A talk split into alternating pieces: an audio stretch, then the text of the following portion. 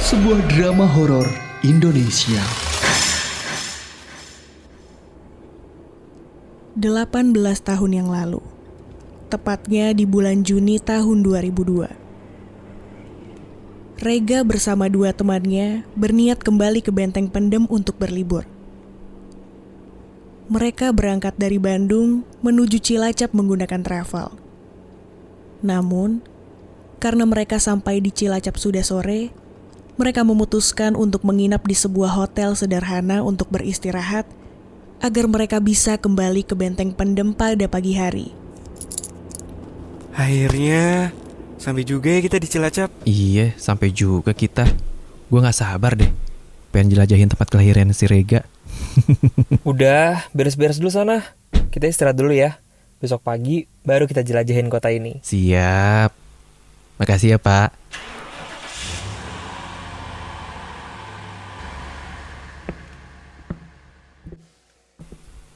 Ngomong-ngomong, besok pagi kita rencananya mau ke mana dulu nih? Loh, katanya ke Benteng Pendem dulu kan? Yap, betul. Besok pagi kita ke benteng pendem dulu aja ya. Lebih bagus soalnya kalau pagi. Udah deh istirahat dulu di sana. Jangan sampai kesiangan besok.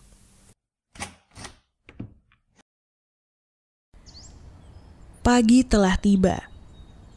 Rega bersama dua temannya bersiap untuk memulai menjelajahi kota Cilacap.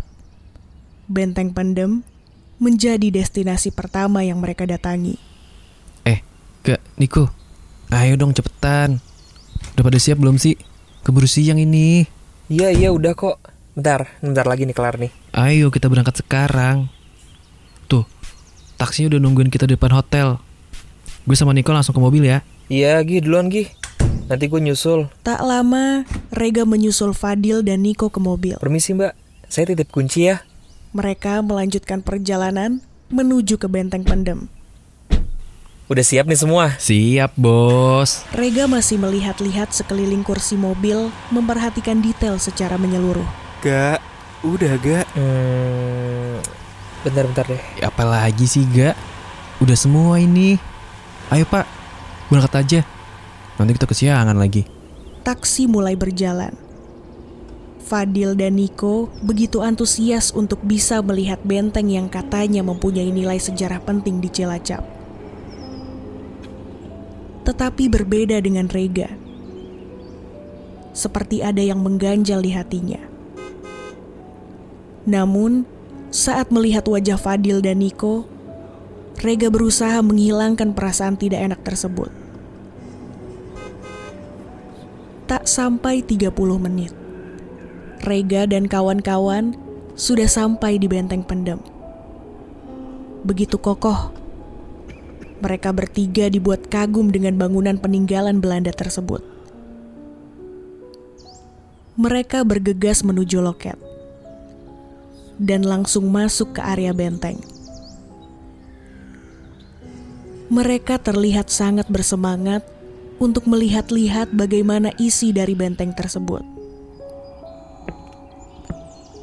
Walaupun Rega sudah pernah, tapi rasanya benteng itu seperti baru dilihatnya.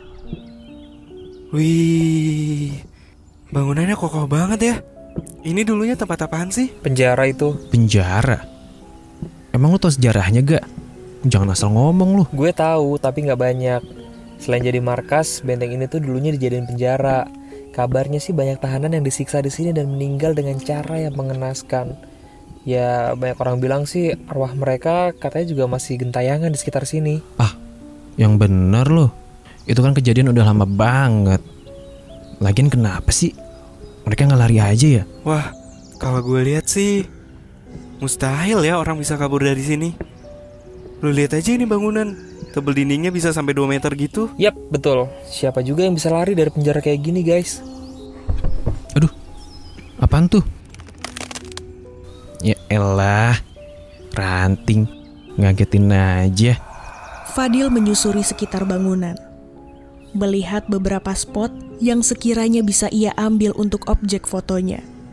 Melihat spot yang bagus, ia pun memanggil Rega dan Niko. Sini cepetan. Ada apaan? Udah sini, kita foto di sini. Nih spotnya bagus nih. ya kan? Rega dan Niko kemudian berjalan mendekati Fadil dan menuruti arahan Fadil yang memang sangat suka fotografi. Nah, lu gaya di situ ya gak ya? Ini keren nih, siap ya? Oke, gue hitung ya. Satu, dua, tiga. Tuh kan, keren. Sekali lagi ya, coba ya. Satu, dua, tiga. Setelah mengambil beberapa gambar dari kameranya, Fadil tiba-tiba terdiam, memperhatikan kameranya dengan begitu teliti, dan sesekali melihat ke arah Rega dan Niko. Gimana Dil? Udah belum fotonya? Eh, Ah udahan ah, capek gue gaya mulu. Eh, gak. Kenapa? Udahan aja yuk. Udahan gimana maksudnya? Iya, udahan maksud gue. Kita balik ke hotel yuk. Loh kenapa sih? Kan kita belum jelajahin semua benteng ini kan Masa udahan gitu aja sih Sayang tahu waktunya Iya, kenapa sih? Aduh, gimana ya? Udah deh. Tiba-tiba nggak enak nih badan gue. Perut gue sakit. Udah yuk, kita pulang yuk. Walau masih ingin menjelajahi tiap ruang di benteng pendem, Rega dan Niko harus menuruti keinginan Fadil yang mengeluh sakit. Meski aneh, mereka harus mengakhiri perjalanan hari itu dan kembali ke hotel. Kondisi Fadil semakin memburuk. Bahkan di perjalanan pulang, ia hanya dia mematung. Wajahnya pucat dan tatapannya begitu kosong.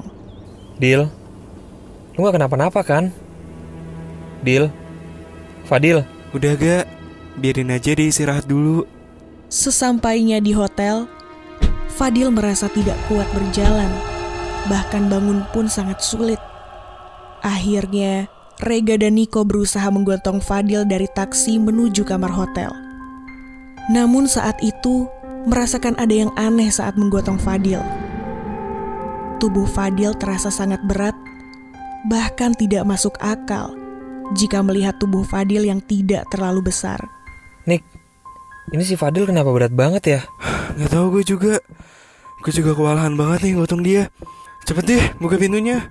Badan gue rontok nih ngangkat dia. I- iya, iya, sebentar, sebentar Rega segera membukakan pintu kamar. Sementara Niko bergegas menggotong Fadil ke tempat tidur. Rega menyiapkan air untuk Fadil. Namun ternyata Fadil tak menghiraukannya. Dia masih berdiam diri. Dil Minum dulu nih biar tenangan dikit Kok dia malah diem aja ya? Udah gak, nanti dia juga minum sendiri. Mending lu taruh aja minumnya di meja. Lu istirahat deh sekarang. Rega dan Niko memilih untuk memejamkan mata dan beristirahat. Namun beberapa saat mereka tertidur, Rega dan Niko dikejutkan dengan suara kaca pecah yang cukup kuat. Mereka berdua langsung terbangun dan mengarah ke sumber suara. Hah? Apaan tuh? Apaan Nick? Nggak tahu gue juga. Eh Nick Si Fadil ke mana ya? Jangan-jangan itu tadi suara Fadil ya? Eh, eh, ayo, ayo kita cek Ketutup nih pintunya Dil Fadil Lo di dalam Dil Deal? Buka deal? Gak ada jawaban nih Nick Kita coba dobrak aja kali ya Ah, emangnya dikunci? Hah, apaan sih lu? Gak dikunci kali nih.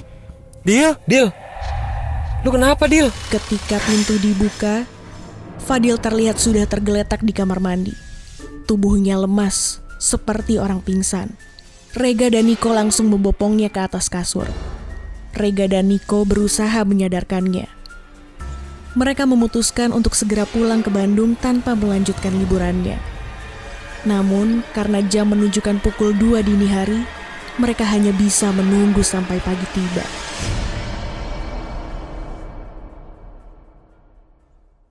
Esok paginya, mereka bertiga bergegas untuk segera kembali ke Bandung. Sementara itu, kondisi Fadil perlahan membaik. Walau badannya masih lemas, Fadil sudah bisa diajak bicara, tetapi masih tidak ingat kejadian yang dialami. Mereka masuk ke dalam taksi yang sama saat ke benteng pendem. Sang sopir menginjak gas dan mulai melaju taksinya. Namun di tengah perjalanan, sang sopir memberitahu kalau ada yang tidak beres dengan mereka. Mas, kemarin main ke benteng pendem kan ya? Iya pak betul Kenapa emang ya pak? Sebelumnya maaf nih ya mas, saya nggak ada maksud apa-apa. Itu temennya dari kemarin ditempel sama genderuwo, makanya dari kemarin lemas. Hah? Yang bener pak Maksud bapak, saya kesurupan. Iya, tapi tenang aja. Sekarang udah nggak ada kok, udah aman. Mendengar ucapan sang sopir, membuat mereka sangat terkejut. Beruntung, si supir sudah memastikan bahwa genderuwo tersebut sudah tidak menempel di tubuh Fadil lagi. Sesampainya di tempat travel, mereka langsung membayar ongkos dan segera menuju mobil travel yang akan berangkat ke Bandung. Namun ketika Rega dan dua kawannya itu sudah masuk ke dalam mobil travel, si sopir taksi tadi datang menghampiri mereka. Maaf mas, Ya ada apa pak Ada yang ketinggalan ya pak ya oh enggak, nggak ada mas. Saya cuma mau kasih tahu, sepertinya saya salah. Genderuwo yang tadi saya ceritakan, sekarang malah pindah ke tubuh yang lain. Dan kalian akan diikuti katanya. Mendengar penjelasan sang sopir, Rega dan Fadil langsung menengok ke arah Niko, yang sejak di dalam taksi sudah tidak banyak bicara. Deal Gak. Niko.